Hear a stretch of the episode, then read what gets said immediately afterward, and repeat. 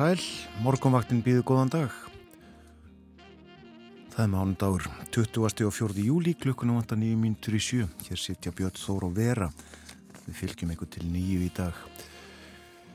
Já, ný vinnuvika hafinn og uh, rétt rúm vika eftir af júlimánuði. Síðasti dagur mánudarins á 30. og 1. á mánudaginn næsta. Og eins og síðustu tvær vikur eða svo þá uh, getum við þess hér í upphafið þáttar að uh, en gís við litla hrút á Reykjaneskaða.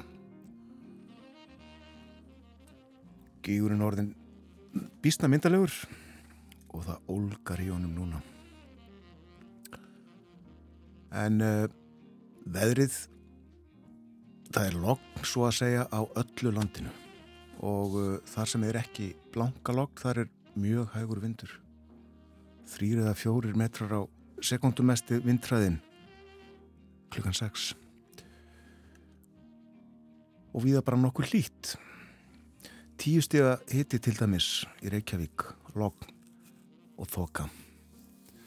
11 gráður á Kvanneri, 10 stiga hitti í Stikkisólmi, 12 stig á Patrísfyrði, logg þar, 10 gráður í Bólungavík, nánast logg, 10 stiga hitti á Holmavík, 11 gráður á Blönduósi, 9 stiga hitti við Söðanesvita, 10 stiga hitti á Akureyri, 10 stiga á Húsavík, 8 stiga hitti á Rauvarhöfn, 3 metrar þar, 8 gráður á Skjaltingstöðum og Logg 8 steg að hitti á eilstöðum lítilsáttar súld þar fyrir 50 mínútum meldust 2 metrar á sekundu andaði aðeins af norðan. 10 steg að hitti á höfni Hortnafyrði og á Kvískerjum 11 gráður á Kirkjubæðaklaustri og 11 steg að hitti líka á Stórhöða í Vestmanægjum og í Árnesi. 4 metrar á sekundu á Stórhöða og nokkur lít á hálendinu, svalast þó við Káranhjúka 60 að hitti þar, en 7 gráður á sandbúðum, 8 steg að hitti á hverjaföllum og 9 gráður í veiðvatnarhaunni, logg bæði í veiðvatnarhaunni og hverjaföllum. Já, svona viðraði klukkan 6 og það er útlitt fyrir að veðrið verði bara einhvern veginn um það byrj svona í dag, er það ekki verið á? Jú, það er spáð áframhaldandi hæglætis veðri í dag. Breytilega átt 3 til 8 metrar á sekundu, skíjað og sumstaðar dáli til væta en skúrir síðdegis á hálendinu og í innsveitum norðanlands. Hitti á bylunu 10 til 16 stig en heldur svalara á Östurlandi. Og morgun er svo búist við austan gólu eða kalda og stöku skúrum og svipuðum hittatölum einnig 10 til 16 eða svo. En á miðugudag, segir í hugleðingum viðfræðings, þá er útlitt fyrir nokkuð stífa austan og norðaustanátt og þá losnum við vendarlega við gósmóðuna sem verið hefur yfir landinu undanfarið. Já, yfir landinu öllu. Það hefur náðu allir til vestfjörðan. Talaði um súrt regn í gerð, máttum við að vona því. En uh, já, þoka á höfuborgarsvæðinu.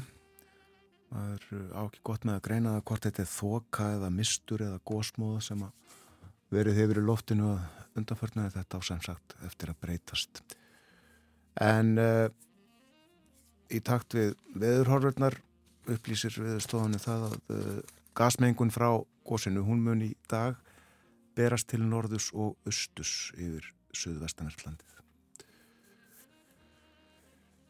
Gott að þessu í byli við uh, setjum laga á fónin, við uh, drögum fram plötu sem kom út 1996, ef ég mann rétt, með uh, upptökum bítlana frá því gamla daga auðvitað.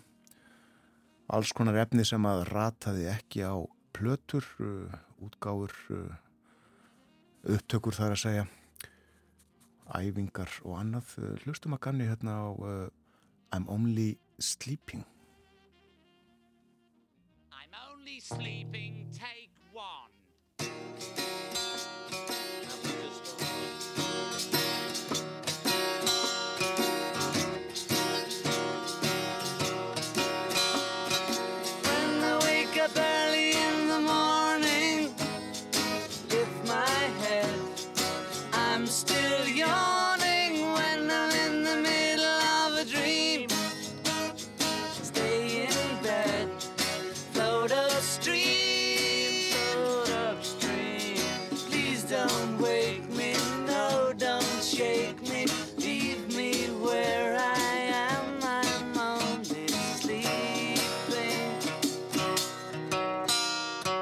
Everybody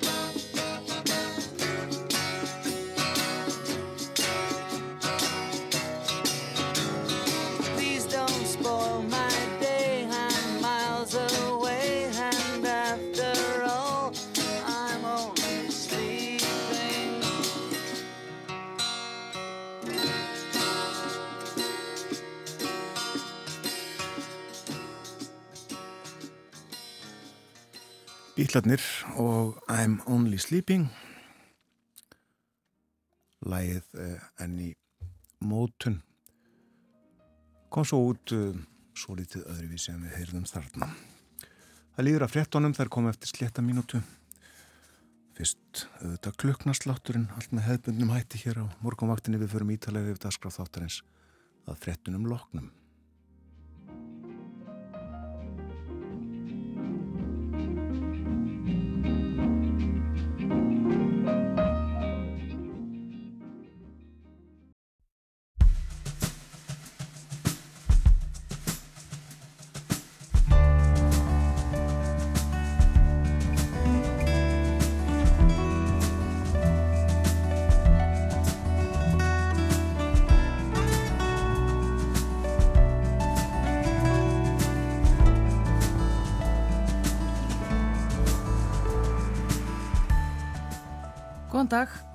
morgunvaktin heilsar mánudaginn 24. júli.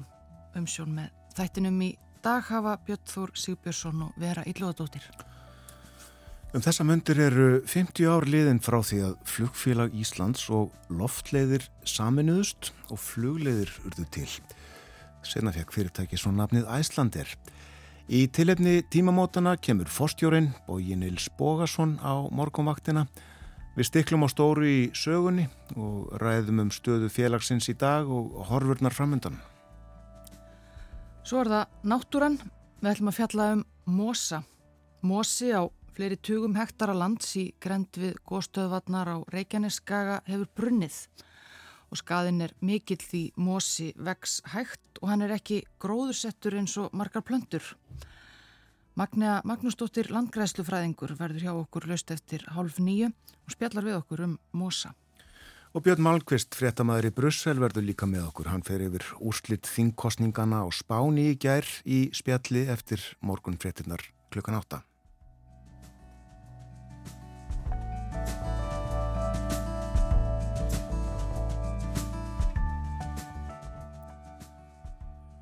Ljómandi veður á landinu, uh, logg nánast á öllu Íslandi. Það er ekki oft sem við sjáum það að uh, mesti vindhraði að morgni mælist uh, þrýr eða fjóri metrar á sekundu eða eitthvað svoleiðis.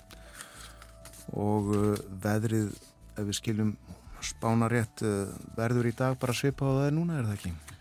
Hæglætis veður, jú, segir í spáni, breytilega átt þrýr til átta metrar á sekundu.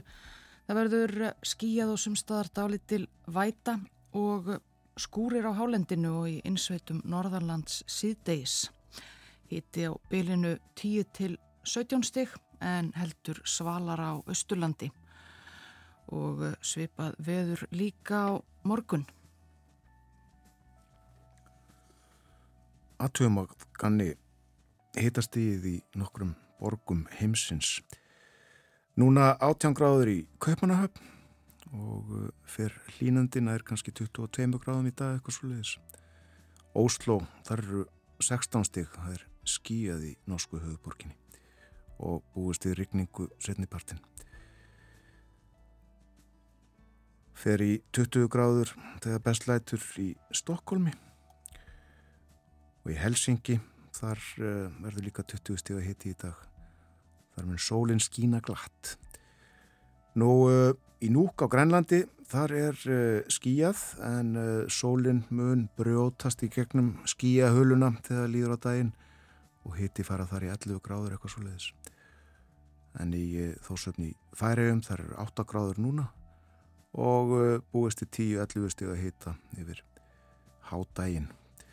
En í París þar eru 18 stíg og fer í 23 gráður í dag eitthvað svo leiðis. Berlín Þar er eh, skíjað og hittin verður kannski 27 gráður. Nú eh, í Róm, þar er enn svakalega heitt. Fer í 39 gráður í dag. Og eh, Madrid, á kosi á Spáni gær eins og við veitum og úslitinn til umfjöldunar hér hjá okkur á morgunvaktinni eftir morgunfrettir eftir klukkustund þar um byll 31 gráða í Madrid.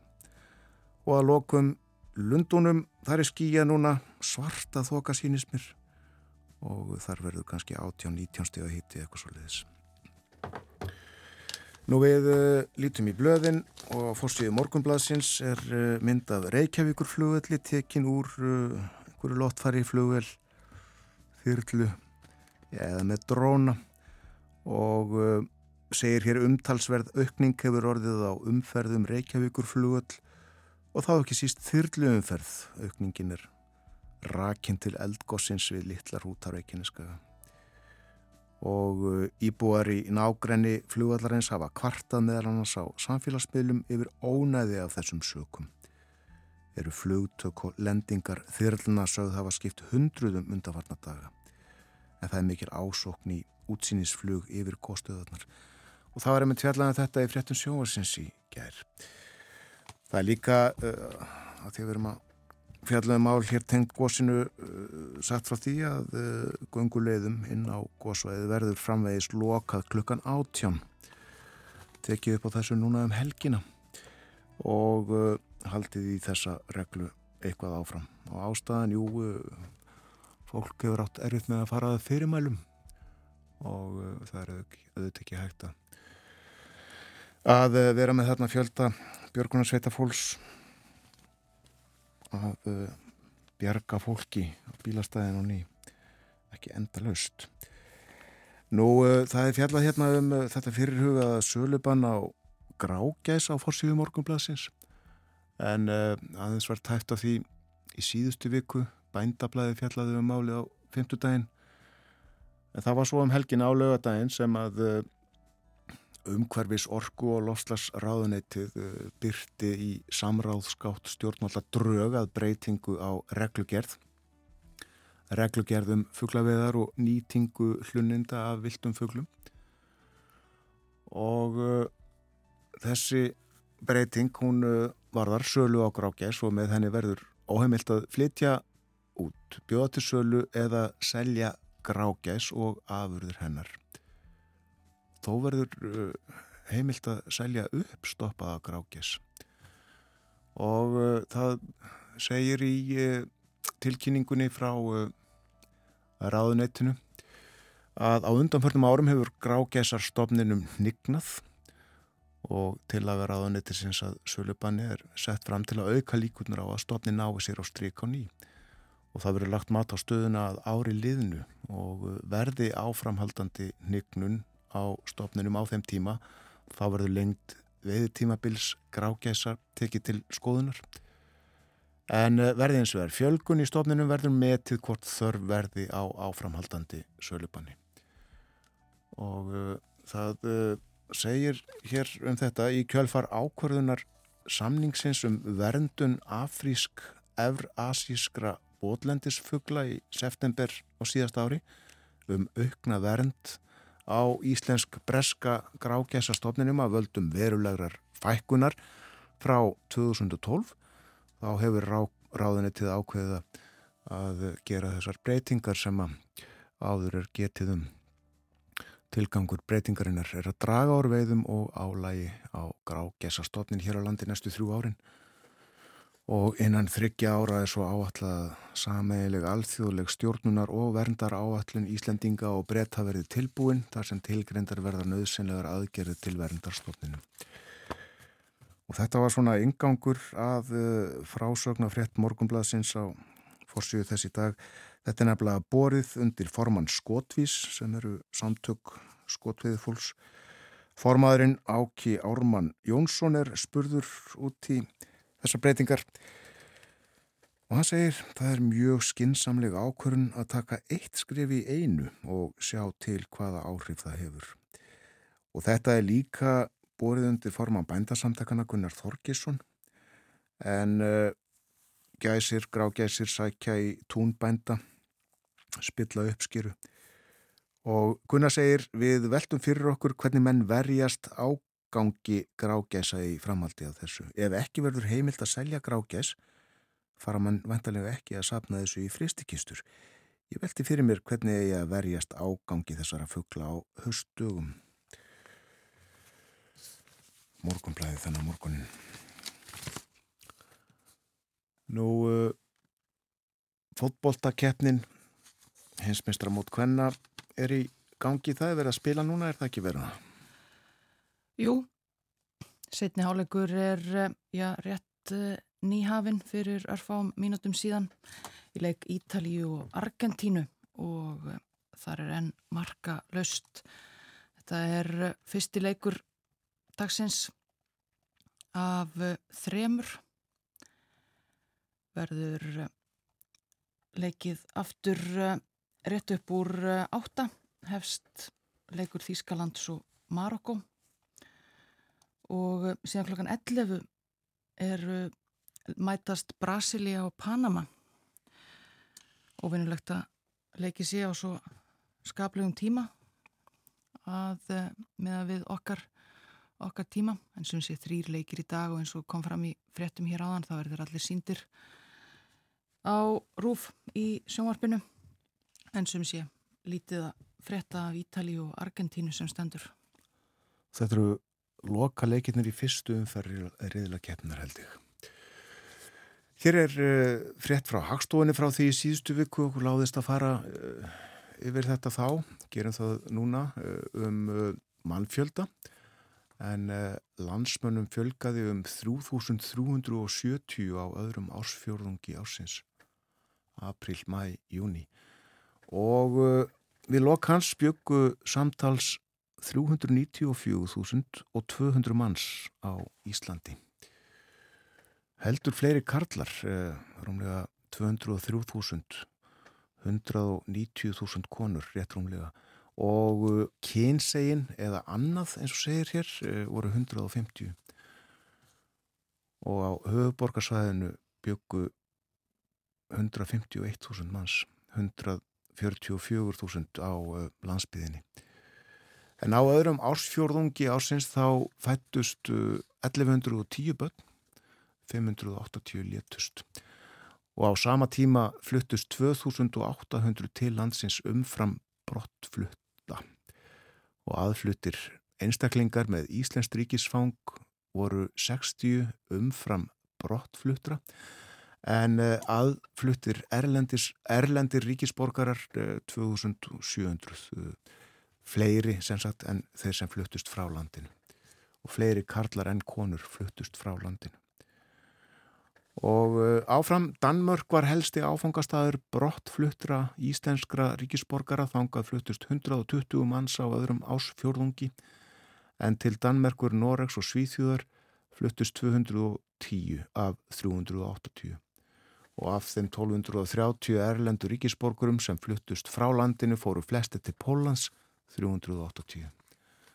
Flestir aðfluttir íslenski ríkisborgarar komi frá Danmörku, Nóri og Svíþjóð samtals 270 af 440 en Póland var upprunaland flestra erlenda ríkisborgara er þaðan fluttust 1270 til landsins af alls tæplega 4.000 erlendum innflýtjandum. Úkræna kom næst þaðan fluttust hingað 330 frétt hagstónar frá því síðustu viku.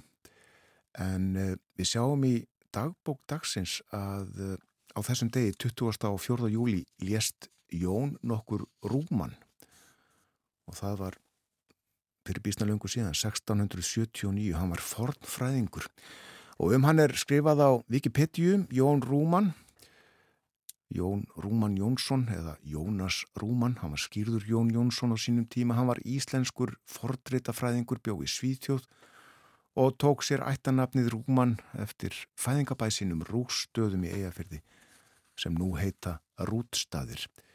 Fæður hans var Jón Guðmundsson á rústöðum, prestur og málari. Móður hans var Sigriður Eldri Ólafsdóttir húsmóður. Jón fór í hólaskóla en hann var rekin fyrir mótþróa við rektorskólans og hjælt hann þá með fátæklegt bókasapsitt til Kaupmannahafnar að leita leðréttingar mála sinna. Um þær myndir voru svíjar að vinna frægan sigur yfir dönum í fjórða dansk-sænska stríðinu. Svíjar höfðu öll völd á hafinu og tóku skipið og hinn danska þegn Jón Jónsson og fluttu til Gautaborgar. Og uh, þar var fyrir dróttsetti ríkisins Per Brahe, lærdómsmaður mikill og fýsti hann að vita nokkuð um innihald bóka þeirra er Jón hafði í fórum sínum. Og fekk hann mikinn áhuga á þeim þegar hann vissi að þar segði frá Gauta konungi á Gautlandi og Rólfi sinni hans og einnig frá Yngva Uppsala konungi og Yngibjörgu dóttur hans sem sprakk af harmi. Og nú var Jón frá Rúkstöðum listur úr böndum og sendur til náms svo hann erði færum að þýða hinnar íslensku sögur á sænsku eða latinu.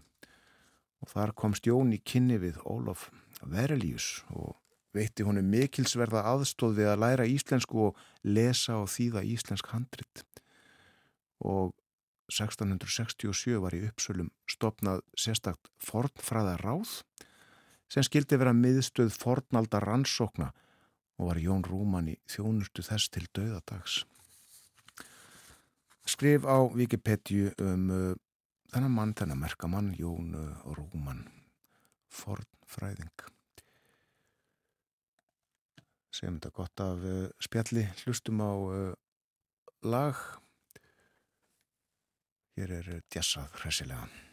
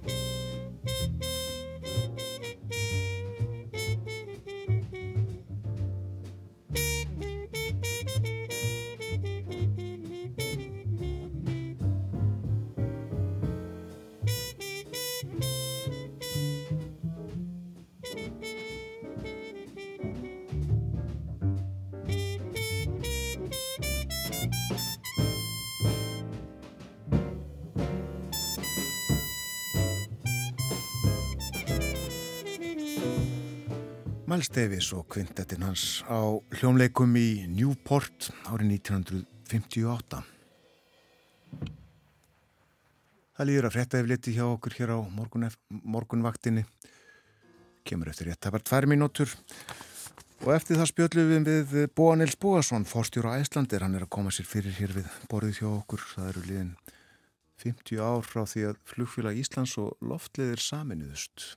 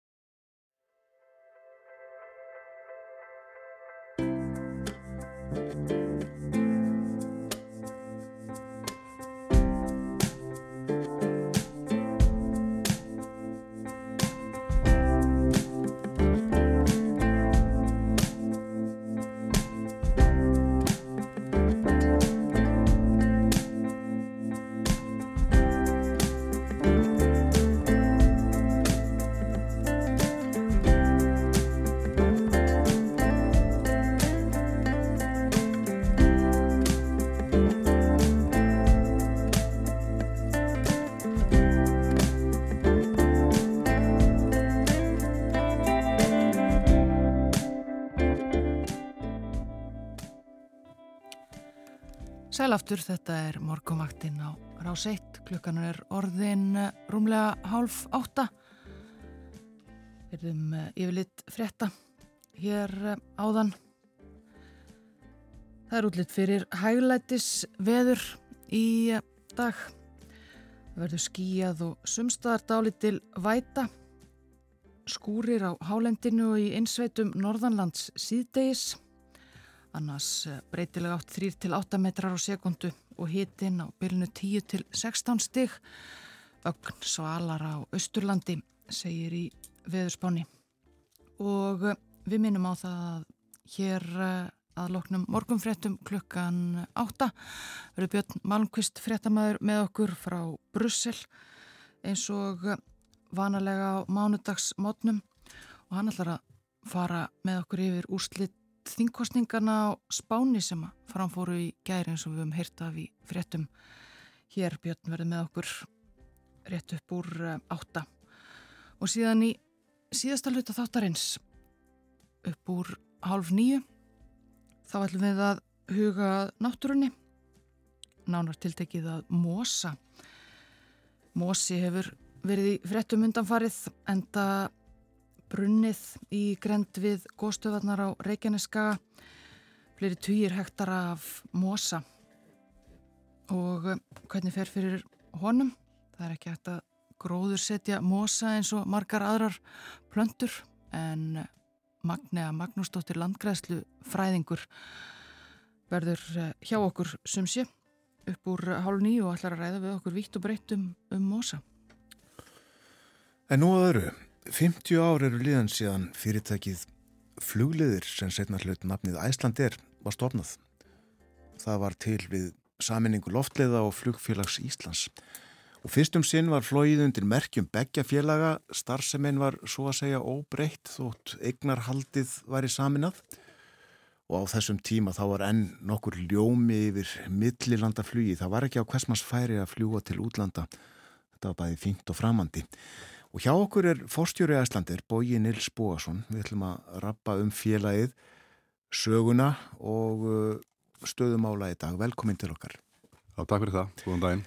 Góðan dag, já. Uh, þarna fyrir 50 árum þá uh, má segja að hafist hafi nýrkabli í sögu félagsins og flugsögu landsins Stofnár Æslandir er þó miða við stofnum flugfélags Akureyrar 1937 er það ekki? Jú, við reykjum alltaf sögu Æslandir til Akureyrar 1937 og 86 ára ammali þá núna í júni í síðasliðin þannig að það er mikil saga í okkar fyrirtæki sem er mjög mikilvægt að verma eitt. Já, er Æslandir kannski þá með eldstur flugfélögum í heimi? Já, ég er nú ekki alveg með uh, staðrindir nákvæmlega á hreinu þar en við, jú, við erum með þeim eldstu. Já. Mm flugið til til að nýtt þarna en þá 1937. Já og náttúrulega bara ótrúlega kraftur og hérna frumkvöla starfsemi og frumkvöla háttu sem að menn síndu þarna 1937 við vantilega mjög erfiðar aðstæður og hérna og eins og við erum að ræða núna þetta er, þetta er orðin ótrúlega saga og, og mjög verðmætt hérna saga og verðmætt fyrir okkur að geta byggt á þessu En þessi saminning 1973, eh, hún kom ekki til að góðu félagin voru í vandraðum eða ekki, rekstra vanda?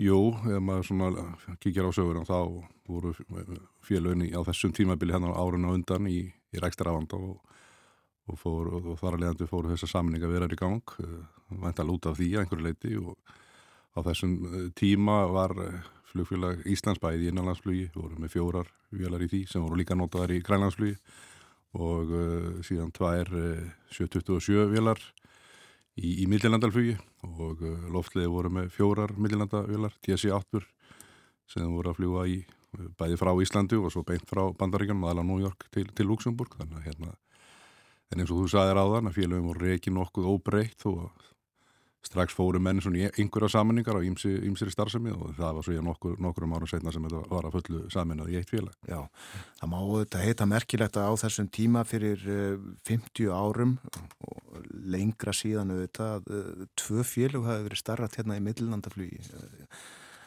Við vorum býst að fá þarna eða þá á þessum tíma. Já, já, við erum að nálgast 400.000 núna þannig að hérna, já, þetta eins og segi, bara ótrúlega kraftur í í þessu fólki að hérna, reyka þessu tvö fjölug í millinandarflugi frá, frá Íslandi við, við vantilega mjög krefandi aðstæður og, en til dæmis á loftleðin þá gekk flugi hérna yfir hafið ágætlega í ákveðin ára en síðan þegar samkefni fór að aukast að þá örðu tímanir svona erfiðari.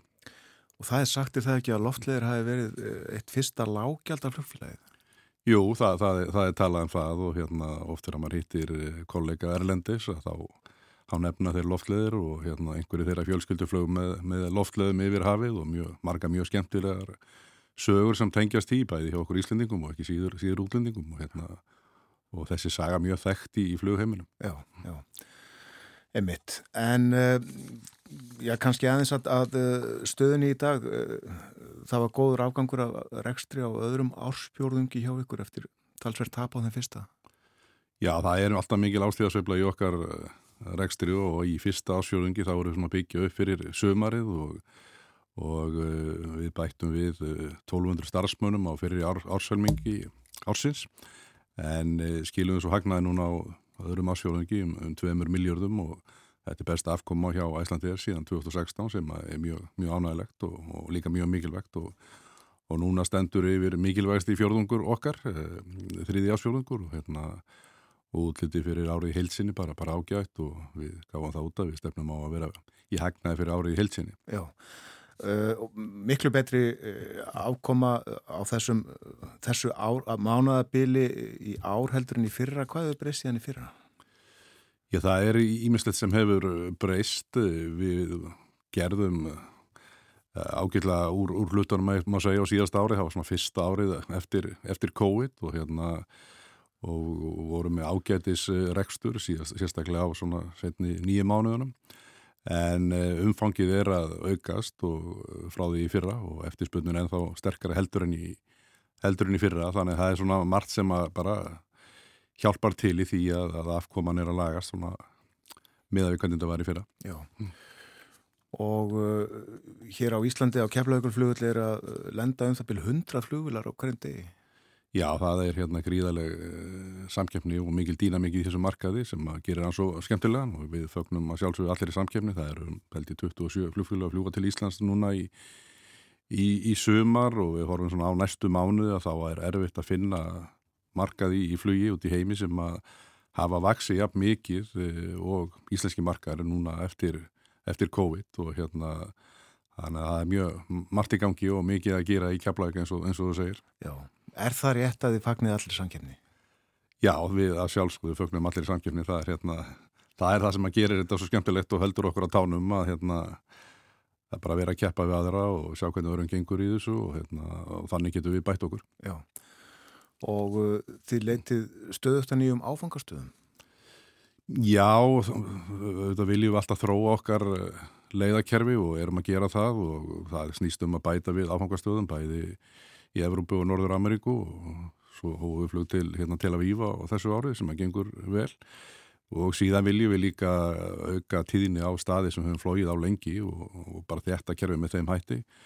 Og síðan svona þriði þátturinn í þróun og okkar leiðakerfi það er að fjöld, fjölga þessum tengi böngum sem við kvöllum út úr keflæk við Íslindika þekkjum brottvarir á mótnana klungan 8, um klungan 8 til Evrópu og svo til Norður Ameríku setnipartin en við erum að, að bæta við eh, brottförum uh, og, og þjætta þannig og bæta þessa vöru sem við erum að bjóða upp á dagflug sem, sem dæmi til hérna til Boston og New York í suma sem að gengur mjög vel og er mjög vel tekið. Þannig að þróun leiðakerfinsins eh, má segja snúist um þetta þrennt hjá okkur. Og svo er kannski eitt í viðbúnd sem að er e, mikilvægt að nefna, við erum í miklu samstarfi við, við flugfíl út í heimi JetBlue, Alaska í bandarækjónum SAS og, og fleiri í Evrópu það sem við bjóðum upp á flugt áfram og hérna til mjög margra áfangastada í einu flugmið og þannig stækku okkar leðakerfi og nýverið skrifum til samning við, við Turkish Airlines eh, sem er eitt mest, mest vaksandi flugfélag í heiminum og þessi félög eru raunin með þessum hættu orðin hluti af okkar leðakerfi, hluti af okkar sölu og dreifi kerfi má segja. Hefur hugmyndum uh, hver hlutfall Íslandinga er eh, í flugulunum hjá okkur? Já, þeir, það er svona rétt, og núna á síðast ásfjóðungi svona rétt ríflega 15%, 16% ef ég maður rétt. Þannig að hérna þetta er uh, markarinn yfir hafið uh, farþegar sem er að fljúa frá Evróp til Norður Ameríku eða aukt í gegnum Ísland. Það er svona, hefur yfirleitt verið stærsti hlutin og síðan er það þeir sem er að koma til Íslands og heimsækja Ísland. Þannig að Íslendingar að ferðast með okkur hafa verið svona og eru já, svona 13 til 16% svona eftir hvernig markaðar er og vindar er, er að þróast og vindar er að blása. Það er ekki meirinn þannig?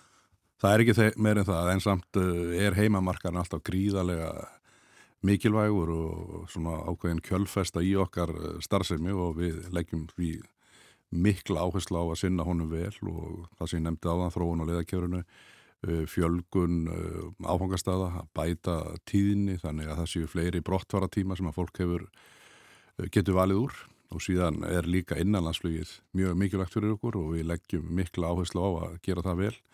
Það voru svona ákveðnar tröflanir í, í innanlandsfluginu á síðast ári eins og sem, sem komist í frettir en þetta hefur gengið eh, miklu betur í sumar, bæði hvað varðar bara áraðanleika leðakerfisins og flug áallunar reynar og síðan uh, gengur innanlandsflugi bara ákveðlega hjá okkur þannig að samþættingi sem við fórum í hérna fyrir nokkrum árum hefur hérna reynst okkur mjög vel. Og uh, það er auðvitað mikilvægur uh, liður í eitthvað starfsemi að fljúa fólki yfir hafið eins og nefni milli Evrópu og Bandaríkjana en uh, þeim fjölgar er það ekki sem að, að uh, koma og heimsækja Ísland? Jú, við, við, það, það er svona vara sem við höfum bóðið upp á lengi, við kvöldum þetta á vondur íslensku stopover eh, og hérna fólk getur komið á leysinni yfir hafið og stoppað á Íslandi og skoða Íslandi í alltaf sjö daga, þetta er bara einn eitt flugmið og eitt fargjald og, og þetta er, er mjög vinsælt að gera þetta og það er svona 25-30% á okkar farþegum sem er að fljúa hérna yfir hafi sem að nýta þetta og stoppa hér á leiðinni. Við þurfum að tala um, tala um nýju flugularnabói. Þessa stóru ákvörun að, að uh, kaupa eða leiði allar þessar Airbus-þóttur. Æsland er auðvitað verið Boeing félag lengi, lengi. Já, já, eins og við vorum að fara yfir áðan hérna, bæði loftlegur og flugfélag Íslands vorum með Boeing-vilar. Þetta er. Flugfélag Íslands, já. Já, þetta er ákvörun sem að, að kraðist mikillar yfirlegu, eða ekki?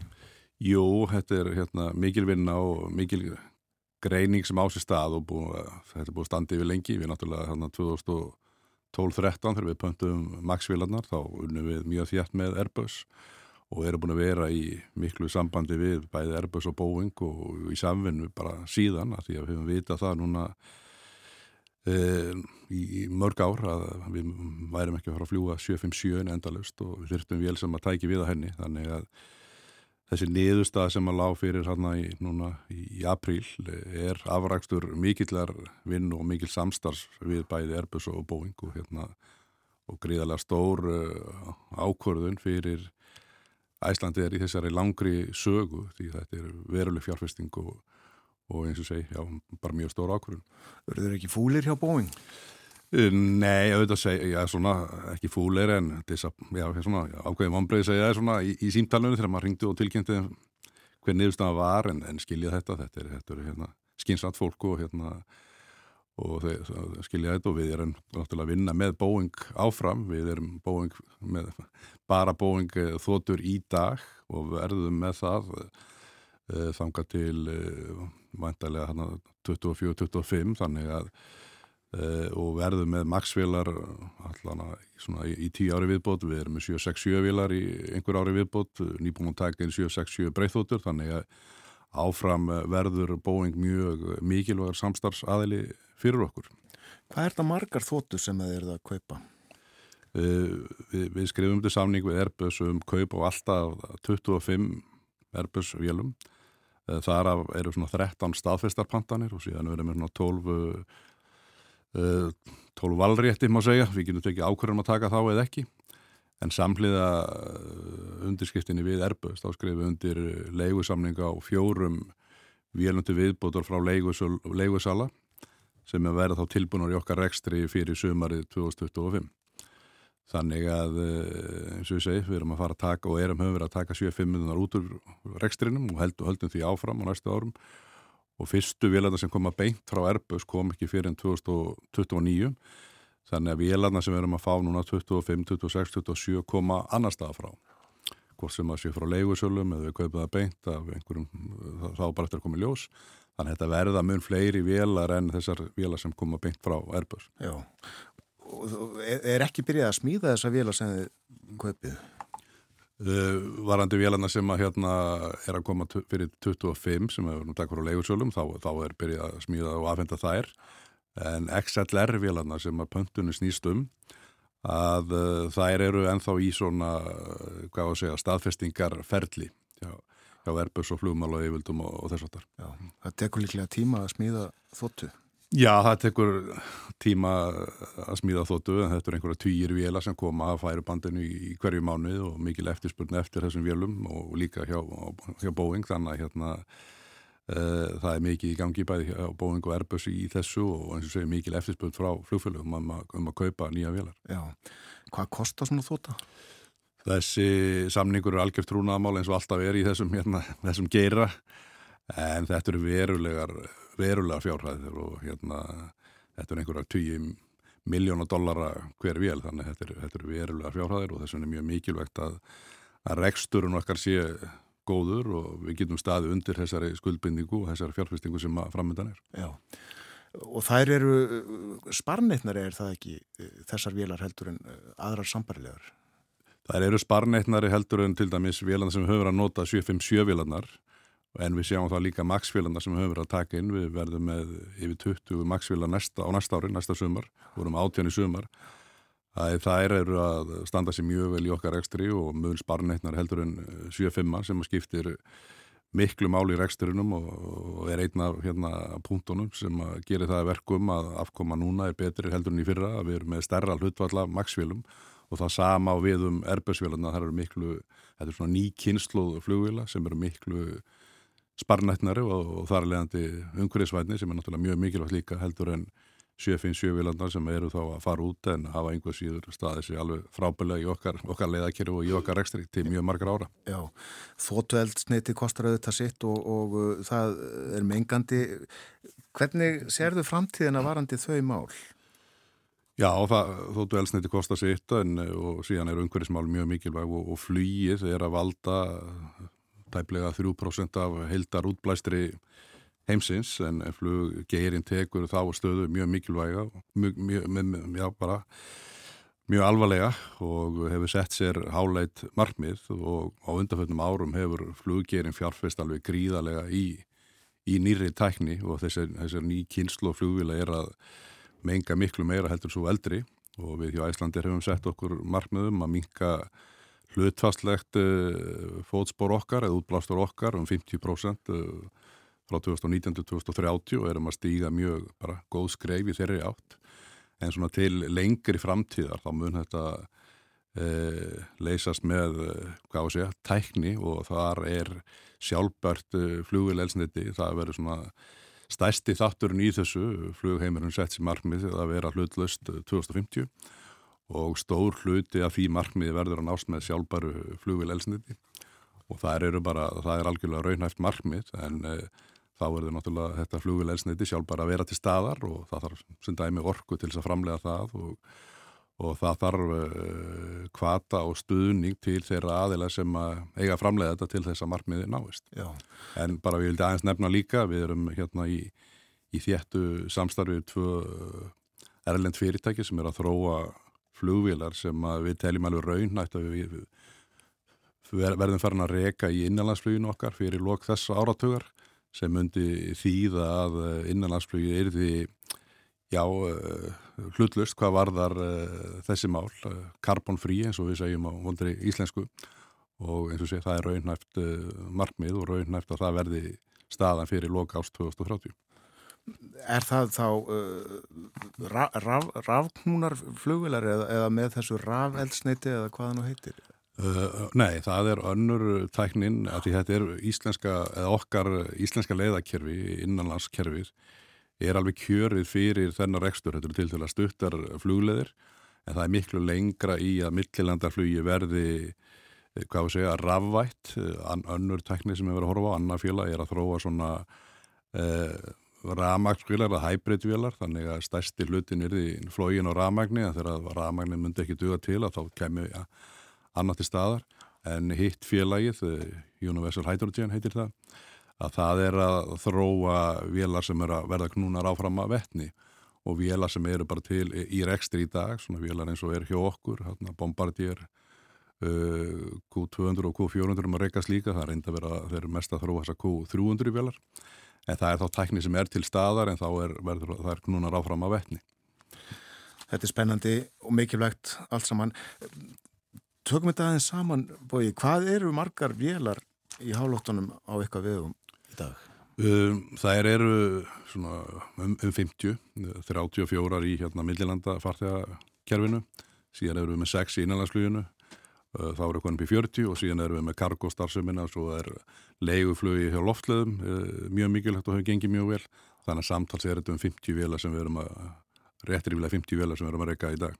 Mástu hvað það voru margar hérna fyrir 50 árum þegar uh, stofna var til uh, félagsins með sammenningu flugfélags Íslands og Loftlíða? Já, var, er, voru þetta ekki tíu vélar? Það voru tíu. Já, sex annarsvegar og, og fjórar hinsvegar og þar að, þar að fjórar í hérna, innanlandsfluginu uh, hjá flugfélag Íslands. Starsmönnum hefur fjölgaðu þetta í tættu þetta? Já, við erum með uh, ríflega 5.000 starfsmenn uh, núna í sumar og, hérna, og eins og ég nefndi á þann að þá komu 1209 starfsmenn uh, til okkar á fyrirlut ásins og, og frábært að sjá bæði hérna, starfsmenn sem voru hjá okkur áður komið tilbaka og svo fullt af nýju fólki og, og náttúrulega okkar geira er þjálfun mjög mikil og mikilvæg og þetta gekk allt saman mjög vel og hérna bara mjög skemmtileg stemning í þessu hjá okkur. Já, já. Sætt frá því á fórstíði morgunblæðsins í dag að íbúar uh, í grend við Reykjavíkuflugall uh, kvarta yfir háaða öllum þyrlunum sem að uh, flytja ferðamenn til að skoða gósið. Heyrður þetta einn á skrifstofunni eina? Já, já, við hérna, heyrum þetta vel á hérna, Ívarsmyrinn hjá okkur og hérna, mikið líf þarna og hérna, já, já, þetta, hérna, við heyrum mikið í, í þyrlunum þessa dagana. En gósið sjálf, laða það fólk til hansins sérstaklega? Já, ég held að það sé ekki spurning, það veitur náttúrulega vekur aðtegli á þessari frábæru náttúru sem er hérna á Íslandi og, og en eh, heilt yfir þá hefur bókunarstaðan verið mjög góð núna fyrir júli og ágúst og hérna þannig að við sjáum ekkert stóra breytingar en við finnum alveg áhugan og ef þetta góðsig verður ennþá gangi inn í hösti þá mun það hafa áhrif á eftirspunni til Ísland, það er ekki spurning. Sem þetta gott í dag. Kæra þakki fyrir að vera með okkur á morgunvaktinni. Takk fyrir mig. Bói Nils Bóðarsson, fórstjóri. Æsland er tilefni spjálsins að þessu sinni þessi saminning loftleiða og flugfélags Íslands fyrir 50 árum.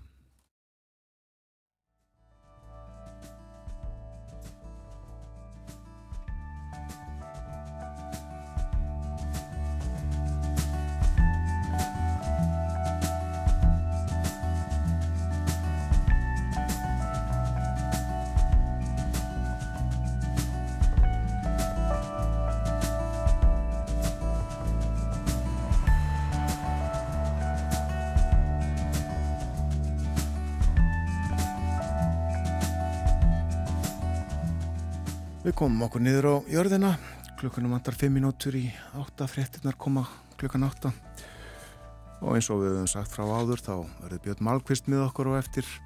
Úrslitt kostningana á spáni til umfjöllunar hjá okkur. Og uh, millir hálf nýju og nýju ætlum við að fjalla um mosa. Magniða Magnúsdóttir Landgræðslu fræðingur verður þá með okkur talar um mosan vitt og breytt til efnið uh, Jú Mosin sem að brunnið hefur við uh, góðstöðvarnar á Reykjaneskaga síðustu daga.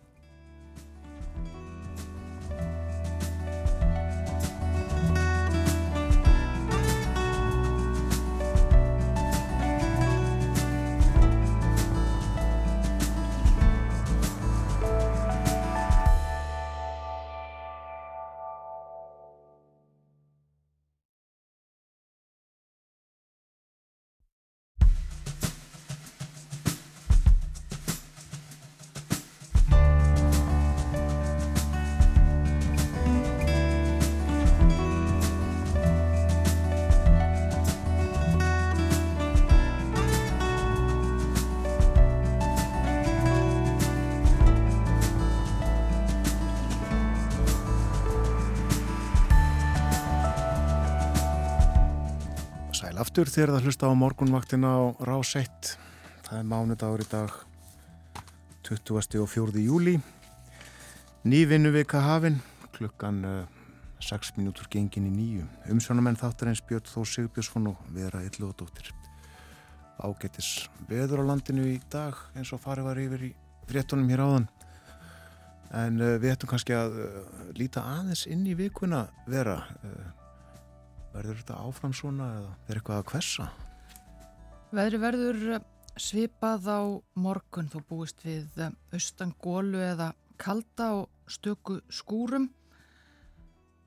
Einhver staður á landinu samkvæmt spáni og síðan á miðugudaginn þá er útleitt fyrir nokkuð stífa austan og norðaustanátt 8 til 15 metra á sekundu og eins og segir á við veðstofunar í hugleðingu veðufræðings þá verður það vonandi til þess að við losnum við gósmóðuna sem verið hefur yfir landinu undanfarið og sem sé að kvessa aðeins á miðugudag.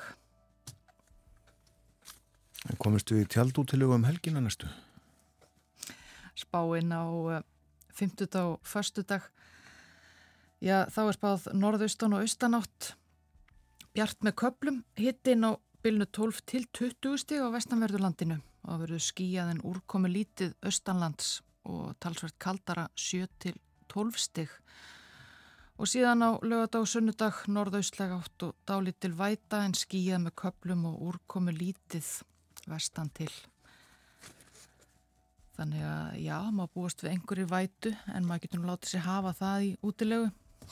Það er rétt. En uh, þá að stjórnmálunum, stjórnmálunum á Spáni, það var kosið til spænska þingsins í gær. Við fjöldluðum um uh, stöðumála í spjalli með Birni Malmqvist í Brussel hér á mándaginn fyrir viku og uh, málið einnig til umfjöldunar hér á morgunvaktinu á miðugudaginn síðasta þegar Eirikur Bergmann var hjá okkur. Hann fór yfir stöðuna sem að þá var uppi og líka þessar breyðu línur í pólitíkinni á spáni mál þar um margt flókin. En já, það var kosið í gær og uh, niðurstöðuna liggja fyrir. Uh, góðan dag Björn Málkvist Góðan daginn, góðan daginn. Þetta fór nú uh, svo litið öðruvísi heldur en uh, mátti ætla og leðtói íhaldsflokksins, líðflokksins kannski ekki alveg ja, sæl og hann gæt búist við að verða?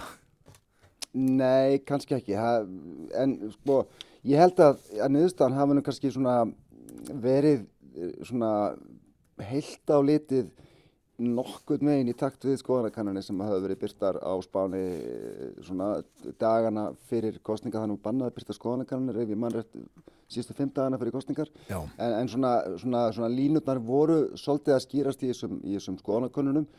Uh, en það er rétt sko líðflokkurinn Parti Popular hann kannski fekk ekki eins mörg þings, sko, sko þingsæti eins og, og leiðtóinn fyrir hjá hafi, hafi vonast eftir. Þeir enduði með 136 sæti en þeir eru náttúrulega sig og vera kostninga þeir bættu þessi 47 sætum á, á, á, á þinginu frá síðustu kostningum Uh, Sósilistar uh, með Pedro Sánchez fórsettisráður í farabróti með, er, er með 122 bættu við sig tveimur sætum svona halda í horfinu. Stóra fréttin kannski að þessum kostningum í gær er að Vox þessi öfga hæri flokkur sem spra, hefur spróttið upp á síðustu árum og er endar afsprengi partípopular þeir töpuðu 19 sætum og eru núna með 33 sæti þannig að það má kannski segja að eh, sko Pedro Sánchez, fórsættisráþara, sem að reynda bóða til þessari kostninga í vor eftir að vinstri flokkarnir byggðu afhróði í, í sveitastjóðankostningum. Hann, bóði til þessari kostninga til þess að kannski að já, ég voru að segja, stoppa lekan, uh, minga, minga sérst fylgistapið uh, hjá vinstriflokkunum, kannski, kannski bara tókst honum það, að því að sko vinstruflokkarnir núna svona töpuðu almennt frekar fáum sætum þannig að það var svona þeir heldu í horfunni held ég að með ég segja. Já, og uh, hvað er útlitt fyrir að gerist næst? Já, nú hefjast sko rossakaupp sem aldrei áður, er kannski ekki, kannski op, hann er kannski ómikið að segja sem aldrei áður en nú hefjast sko mikil, mikil rossakaupp í spænskum stjórnmálum að því að nú Nú þurfa sko leittóarnir, aðalega þessi sko leittói í líðflokksins, Písjó og, og, og Sánchez sem að fer fyrir vinstrimönnum. Nú þurfa þeir að fara að semja um, um í rauninni að ná meirluta, starfhæfum meirluta og meirluta stjórn á þinginu eða allavega stjórn sem að sem að, sem að væri kannski minnluta stjórn en væri kannski í skjóli einhverja annara flokka. Uh, það er enginn sem sagt, uh, líðflokkurinn hafi vonast eftir fleiri þingmönnum og kannski vonast til þess að Vox myndi ekki tapa alveg svona miklu þeir sko þurfa sérst, flokkar á, á spænska þinginu þurfa 176 þingmenn til að, til að ná sko meiriluta á þinginu og starfhæfri meiriluta stjórn það verðist ekki vera neyn leið fyrir partipopular líflokkin að ná því með Vox. E, e, e, sko það er náttúrulega er engin leið til þess þannig að þeir þurfa sko stuðning sem sagt fleiri flokka. Alberto Núñez Feijó hann, hann er sem, sem er leiðtói í líflóksins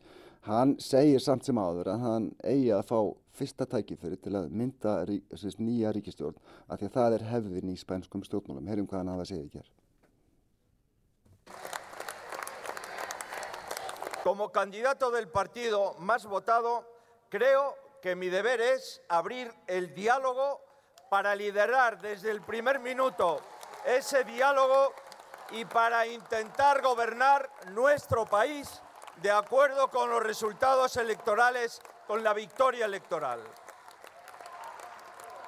Já, sérst bendir á að hann, hans flokkur fekk sérst flest atkvæði, flesta þingmenn, þeir eru sigurvegara kostningana, þeir ættu að, að, að, að fá fyrstir stjórnarmynduna sko umbóðið sem er eins og ég sagði hefðin í, í spænskum stjórnmálum að þetta gerist. En bara málið er að þeir verist ekki hafa mjög marga möguleika á að mynda meiriluta fyrst að, fyrst að Vox fekk ekki fleiri þingmenn.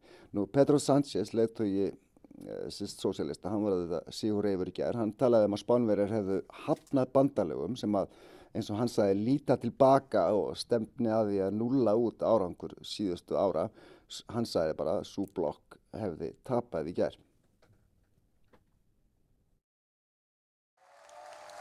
España y todos sus ciudadanos que han votado han sido meridiana y rotundamente claros. El bloque involucionista de retroceso que planteaba una derogación total de todos los avances que hemos logrado durante estos últimos cuatro años, ha fracasado. Ha fracasado. Já, að hún hefði sem sagt tapað sem er auðvitað rétt í vissum skilningi, í, í þeim skilningi að sko lífflokkurinn og Vox náðu ekki völdum saman en Sandsjóðs auðvitað lítur framhjáði að, að lífflokkurinn bætti við sig 37 sætum á þinginu sem er auðvitað kostningasíkur. Sandsjóðs áhins vegar að margra mati svona, fleiri möguleika á að mynda starfhæfa ríkistjórn með því að, með því að púsla saman flokkum á, á, á vinstrivægnum uh, sósélistar og, og kostningabandala vinstriflokkar sem heitir Súmar, þeir eru samanlagt með 153 þingmenn. Því þeirra Sanchez þarf að meiri stöðningi að halda, hann, hann munur að leita til minnstu flokkana þar á meðal. Flokk sem heitir Hundsberg Catalunya sem er flokkur sem eh, vill sjálfstæði Katalóníu. Og þá komum við að skemmtilegri tengingu sem er við Carlos Puigdemont, leitt og aðskilnaða sína í Katalóníu sem er núna í sjálfskeipaðari útlegð hérna í Brussel, hann er þingmaður á Europafinginu. Uh, uh, sko, Sanchez er þannig með meirluta mögulega fleiri heldur en Fejó en hann gæti hins vegar, eins og ég segi, þurft að leita til flokka sem að eru kannski með kröfur sem að hann er mögulega ekki tilbúin til þess að, að samþykja. Þetta er bísnað þröng staða. Svo að tíðin á spáni að uh, flokkarnir stóru, hægri flokkurinn og vinstri flokkurinn, já skiptust eiginlega á um að fara með völdin voru einir í ríkistjórn. Já, sko, uh, þetta er mjög góð spurning Björn. Uh, ég spurði mig það þessu á fyrirlestri hérna í Brussel í síðustu viku þar sem að nokkri spenski blæðamenn voru að tala um kostningarnar. Það var eiginlega hleyið að þessu spurningu, því að allavega brosaði góðláttlega. Svarið var sem sagt ekki sjans. Það er nefnilega orðin ansið mikill munu núna á stefnu semst, hægri og vinstri flokkana, stóru flokkana og það hefur verið mjög mikil skautun eða polarisering í spenskum stjórnmálum undanfæra nári eins og ég vissum að Erikur Bergman hefur sagt við, semst, við í síðustu viku. Mm -hmm. Hins vegar þá er staðan það flókin og svona niðurstöðunar það óljósar og það eru, ég minna á, það eru þrjár vikur þanga til að, að, að spænska þingi kemur saman og ef ein vika er langur tími í politík þá eru þrjár vikur heil eilíð þannig að ef leiðtóðan sjá engan möguleika á að mynda meira hluta með minniflokkonum þá getur allt gest, ég meina og þú veist, leiðtóð í líðflokksins fyrir og hann hefur reyndar áður talað um að svona samstarf hefði ákveðna kosti til dæmis að það myndi útlöka samstarf við, við flokka sem að vinna að aðskilnaði Baska eða Katalóna. Já. Er í alvöru talað um að, að það kunni að þurfa að kjósa aftur í höfust? Það er alveg möguleika því.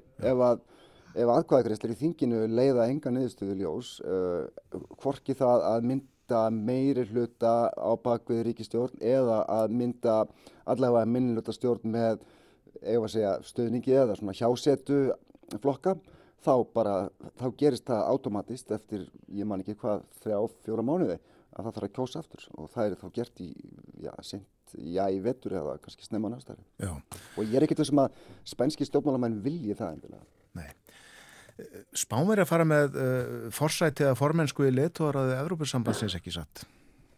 Jú, og það hefa verið svona nokkrar vangaveltur og jafnvel áhugir fyrir Brussel yfir mögulegri niðurstöðu kostningana þar að segja sérstaklega ef að Vox kæmist í, í, í ríkistjórn og fengi ráðfyrra það myndi hafa áhrif á stefnumál Európa-sambandsins, eh, sérstaklega núna þegar spánverður eins og segir fanna með formensku í, í leittóðaráðinu uh, sko það gæti mögulega haft áhrif til dæmis á, á aðgerðir ESB hvað var þar umhverfismál, það er að segja græna sáttmálan sem kallað hefur verið. Þetta, þetta er stóra plan til að minga kólefninslosun uh, í aðaldaríkjum Europasamansins.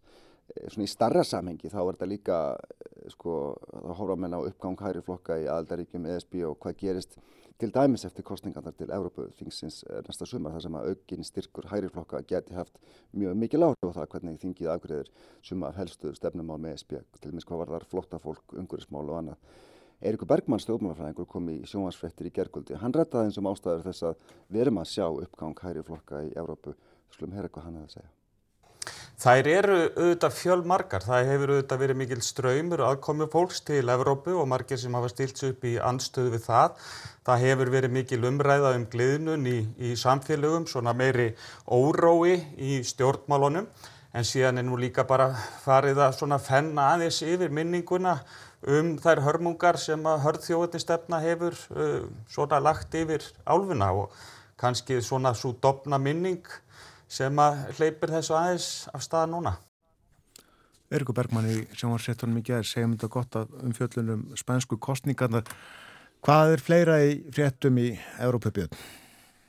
Já, það eru þetta þessi skóarheldur og þessi hitabilgja í sögur hluta Európa sem ekkert látu verist vera á nýjastu frétti frá Greiklandi er að um, um það byrjum 2500 manns hafa þurft að flýja gróðurelda á, á, á grísku einu Korfu í nótt. Þá var gefin út tilskipunum um rýmingu. Það hafi verið gríðarlega miklir eldar á Greiklandi undanfarið sérstaklega mikið á Rótos. 19.000 manns þar hafa verið, eh, hefur verið í rauninni já, já, speðan að fara. Uh, á landsvísu allt um 30.000 mann sem að, aðila túristar. Uh, þetta er náttúrulega mjög vinsæli ferðamannastæðir og mjög margi ferðarmæri var lengt í vandræðum út af því að, af því að hérna, svona flugferðir hafa raskast og áallaraflug út af náttúrulega meðal annars út af, út af reik og eimirju sem, sem að kemur að þessum, þessum skóareldum. Já. Talandum uh, veðrið, uh, rigning vel þegin hér, ekki síst í grend við gíin á Reykjaneska við litlar hút til þess að væta gróðunum þar, mósan sem við fjöllum um á eftir. Hvernig er veðrið hjá þér núna? Það er mingandi regning og svona umdabil 19-20 steg hitti og ekkert útilt fyrir öðruvísi veður hér í Brussel uh, næstu daga. Það er bara, já, svona mjög, svona bara íslenskt sumar veður verður ég bara að segja. En að því við vorum að tala um politík, þá ætlum ég aðeins að segja ykkur frá, frá, frá politíkinni í Þískalandi. Þegar við töluðum einmitt um að um möguleguna því að stóru flokkarnir í, á spáni getur unnið saman sem þeir hafa náttúrulega gert sko í Þískalandi mjög oft á undanförnum áratugum, þar að segja sósjaldemokrater og, og kristilegi demokrater. Eh, hins vegar sko þá er náttúrulega líka hæri flokkur þar til staðar sem heitir AFD eða Þíski þjóðverðnisflokkurinn sem er svona kannski ekki ósvipaður voks í, á spáni, kannski ekki alveg eins langt til hæri en, en mjög langt til hæri samt sem áður. Sáflokkur hefur verið uh, í rauninni svolítið útskúfaður í landsmálapolítikinni í Þískalandi hefur engin flokkur, ekki einu svona kristilegi demokrata vilja, vilja vinna með honum á landsvísu. Hins vegar þá var leittói kristilega demokrata í Þýskalandi Friedrich Merks, hann var í viðtali um helgin og hann ljáði máls á því að það væri mögulega hægt að vinna með Þýska þjóðninsflokknum allavega í sveitarstjórnarmálum. Hann, þessi flokkur er í sókn í Þýskalandi, skoðanakannur hafa sínt að hann er komin upp í um 20% eh, á, á pari við, við sósjaldemokrata sem eru núna reyndar í stjórn og AFD hefur verið að sigra í nokkrum bæjar og sveitarstjórnarkostningum í austurluta Tískaland þar sem þessi flokkur hefur sögulega verið mjög sterkur á undanförtum árum. Sko, Mertz, hann reyndar aftók að vinna með, með þessum flokki, Þíska þjóðartinsflokknum á vettvangi landsmála eða Evrópuþinginu en e, eins og ég segi, ljáði máls af því að vinna með honum svona svæðisbundið. Hins vegar þá voru viðbröðum við þessum ummælum hans frekar hörð og neikvæð, ekki síst frá félögum hans í kristilögum demokrátum. Þannig að þessi útskúfun gagvar tíska þjóðninsflokknum, hún er mjög sterk í tískum stjórnmálum og það er ekki útlitt fyrir annað heldur en að, heldur en að hún haldi áfram. Hér setjum við punktinn. Kæra þakki fyrir í dag, Björn Málkvist. Takk fyrir mig. En uh, förum aftur til spánar. Í huganum þar að segja.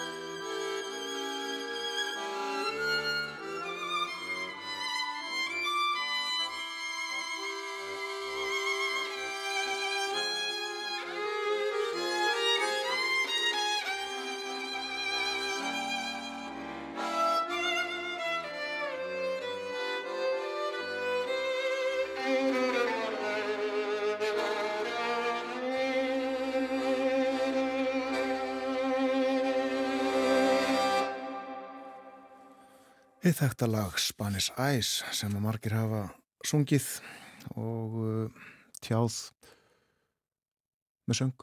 En uh, þarna voru það hljóðfærin sem að töluðu fiðla og harmonika Simon Kúran og Reyni Jónasson.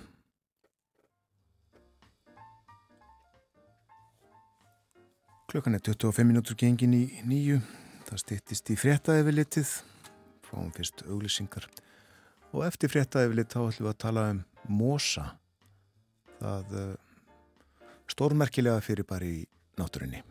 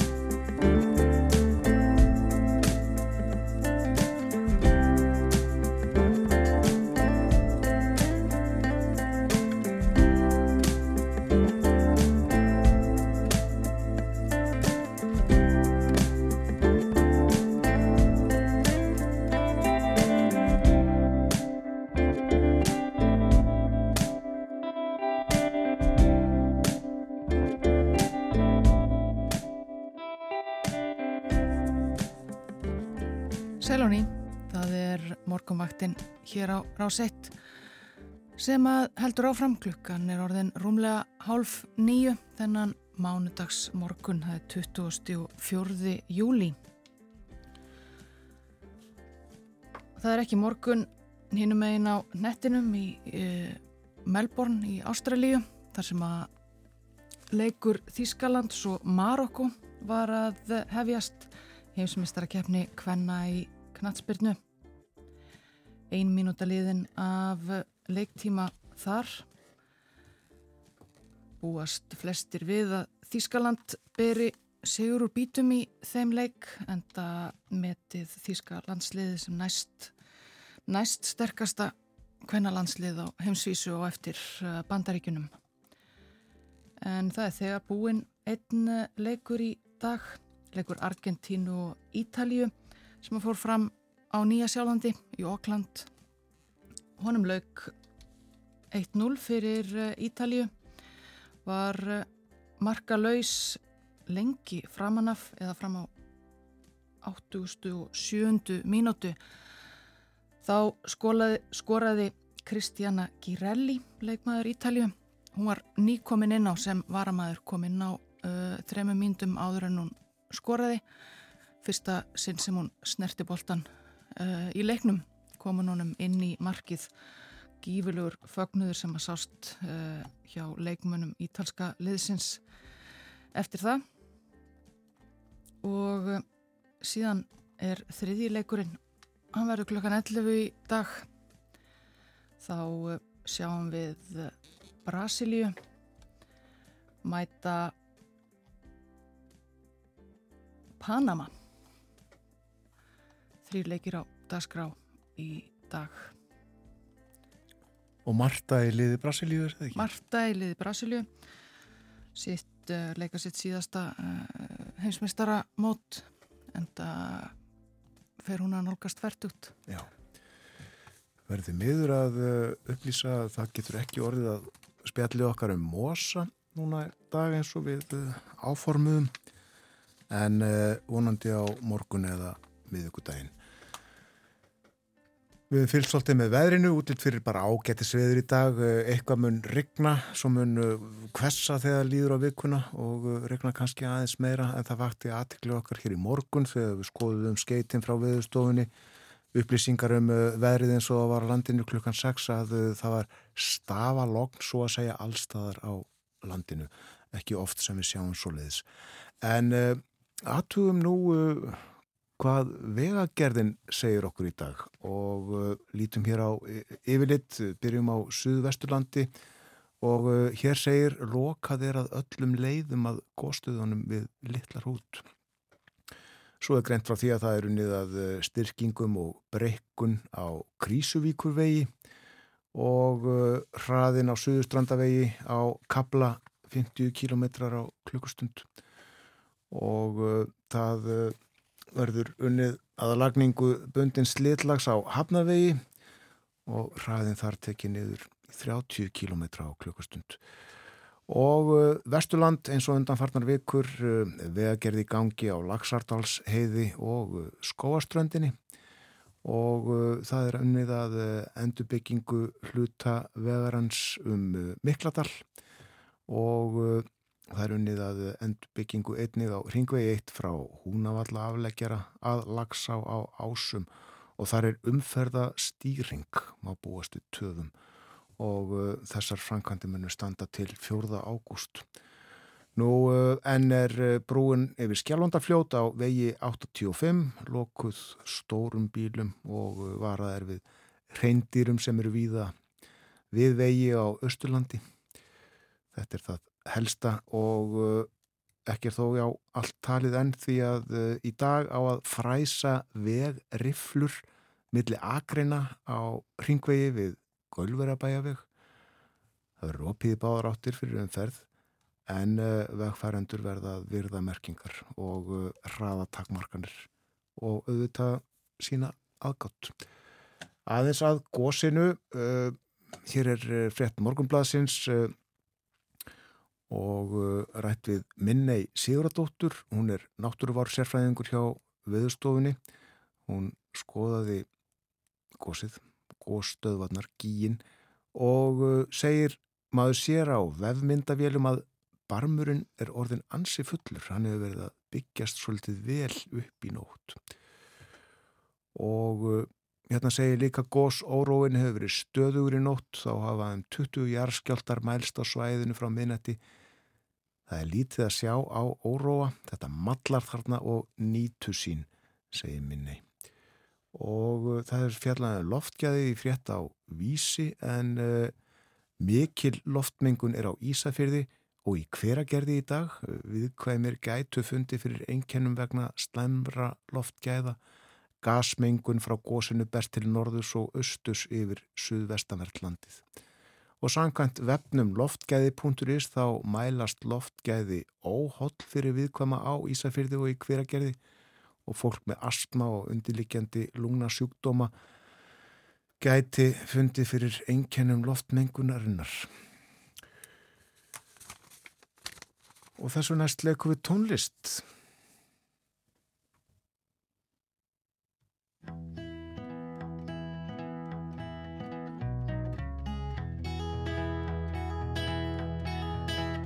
Will you search the loamy earth for me? Climb through the briar and bramble. I'll be your treasure.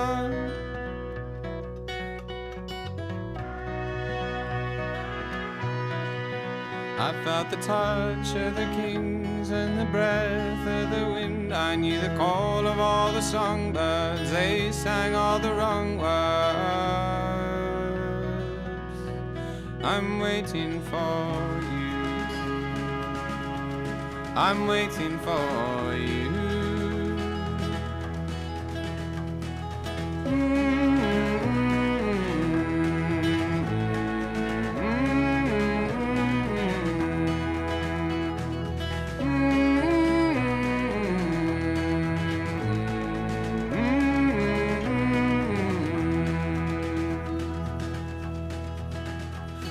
Swim through the briny sea for me. crawl along the ocean's floor. I'll be your treasure.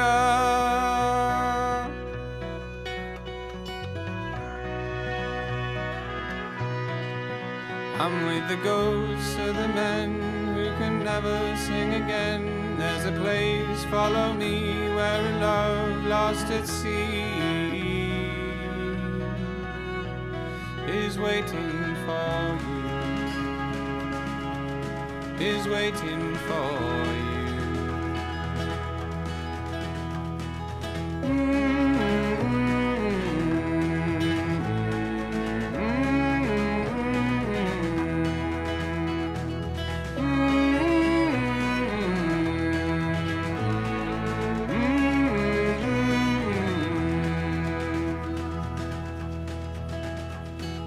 drift o'er the rolling fields for me? Hoard me in the highest bough. I'll be your treasure.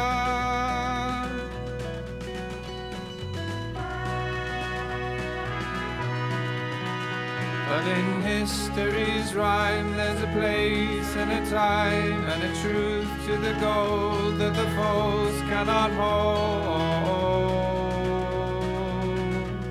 I'm waiting for you. I'm waiting for you.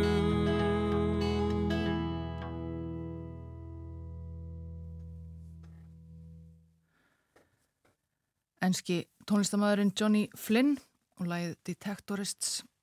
Þetta var eh, notað sem upphafslag í samnendum sjónvastáttum. Detectorists sem að gengu á í breska ríkisjónarpinu BBC 2014 til 2017.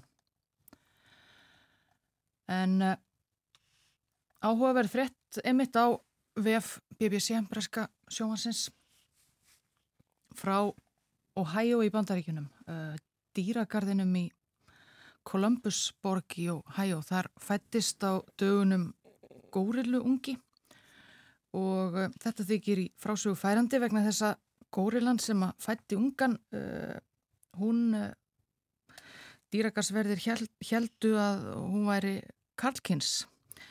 Þar til að þeir sáu til hennar skindilega með ungan í fanginu að gefa unganum brjóst. Górilan Sölli sem að búið hefur í dýragarðinum frá árinu 2019, 8 ára gömul og, þó, og heldur sem sé allir hingað fram til þess að, að hún væri, væri karldýr og uh, þetta er útskýrt uh, hér í greininni rætt við dýragarsverði í Kolumbus dýragarðinum það að það sé, geti verið erfitt að segja til um uh, kyn sérstaklega yngri góriðlam. Það er ekki, þær eru svona fram að einmitt 8 ára aldri, þá eru bæði karl og kvendir svipuð að stærð og erfitt að, að svona sjá kynfæri þeirra. Ef að, ef að einstaklingarnir er ekki grand skoðaðir og það er ekki fyrir en uh, karldýrin verða svona 12 ára gömul sem að þeir fara að grána á bakinu sem að er eitt þeirra helsta engenni og þá er sömu leiðis erfitt að sjá þegar, þegar að kvendir górillunar er, er með unga af því að þetta eru svo stór dýr og ungarnir afar litlir þegar þeir fæðast þannig að það sést dýla Þungunin blasir ekki við. Blasir ekki, blasir ekki beint uh, við og þessi ákveðna Górilla Sölli hefur alltaf verið við góða helsu þannig að hún hefur aldrei þurft á sérstakri lækniskoðun að halda. Þannig að þetta var talið vera karldýr þar til allt í einu byrtist þessi ungi í fangi hennar og þetta er 34. Góriland sem að fætt er í dýragarðinum í Columbus og þeir segja dýragarsverðinir vera búinir að kanna ungan, skoða, skoðan gömgefilega og telja sér geta sagt til um það að þetta sé áræðanlega kvendir sem að hún hefur. En þá eftir að, eftir að gera einhvers konar faðirnispróf til að komast að því hver, hver faðir ungans er.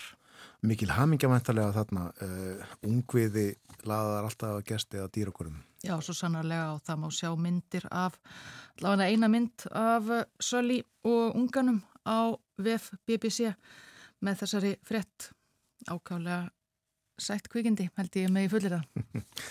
Talandi um uh, dýr við fjöldlega svolítið í síðustu viku um uh, leitina ljóninu í Berlín. Já, svo sannarlega. Það var, uh, það var leitað lengi í útkverfi Berlínar að uh, ljóninu eins og við töluðum um hér sem að, sem að uh, einhverjir Berlínabor töldu sig hafa séð til í, í suður útkverfum borgarinnar og jáfnvel náð myndskeiðum af á farsíma og, og heyrt, heyrt uh, óp ljónsins.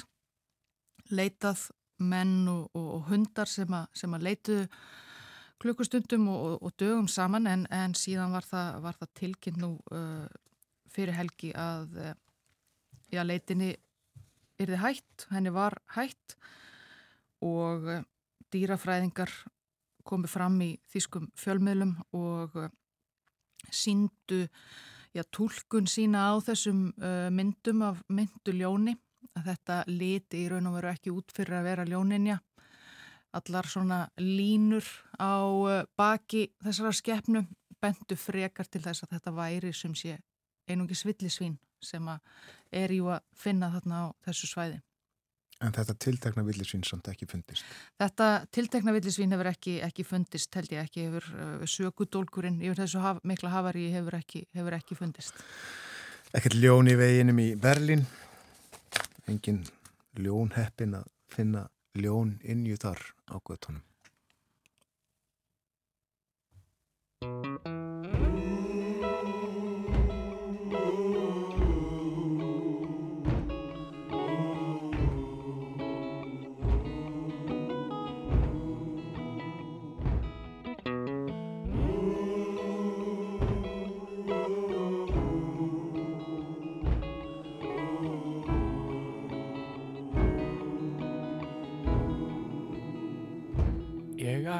Ætla mér út að halda Örlögin valda því. Mörgum á ég greiða að gjalda. Það er gömur sag og ný. Guð eitt mitt hvert leið mín liggur. Lífið svo flókið er. Oft ég er í hjarta hryggur. En ég harka samt af mér. Eitt lítið knús. Elsku mamma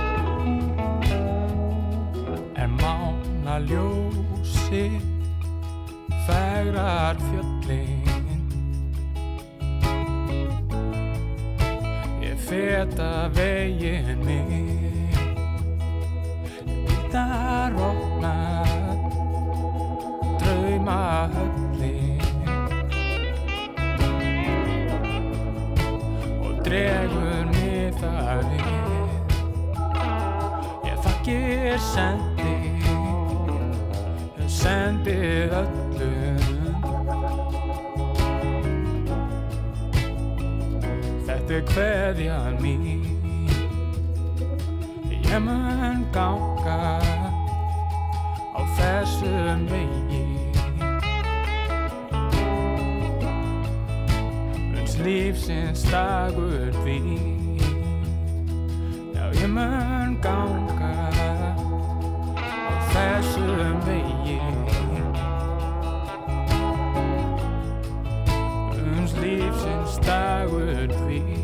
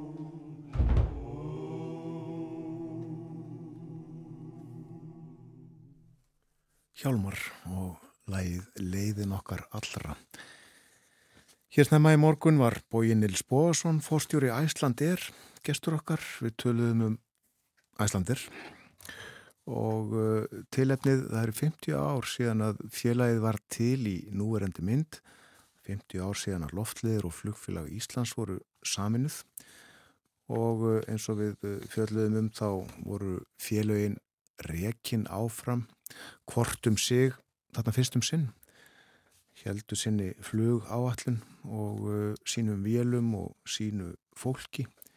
En uh, svo var þetta saminað undir uh, merkjum flugleiða nokkrum árum síðar og nafni félagsins og breytt í Æslandir þó að 50 ár séu liðin frá saminningu félagana að þá er Æslandir rekið á kennitölu flugfélags Íslands áður flugfélags Akureyrar sem stopnað var 1937 félagi sem slíkt því 86 ára.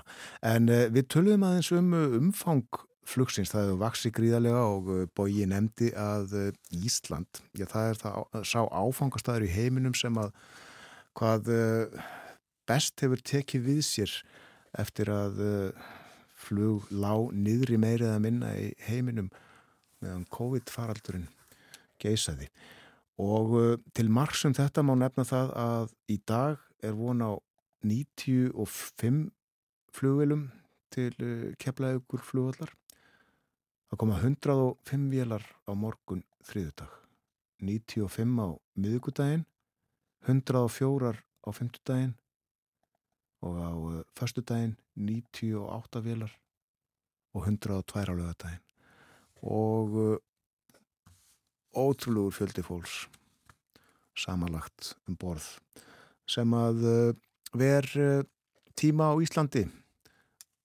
fáinum dögum eða mörgum. Það er misjöndu þetta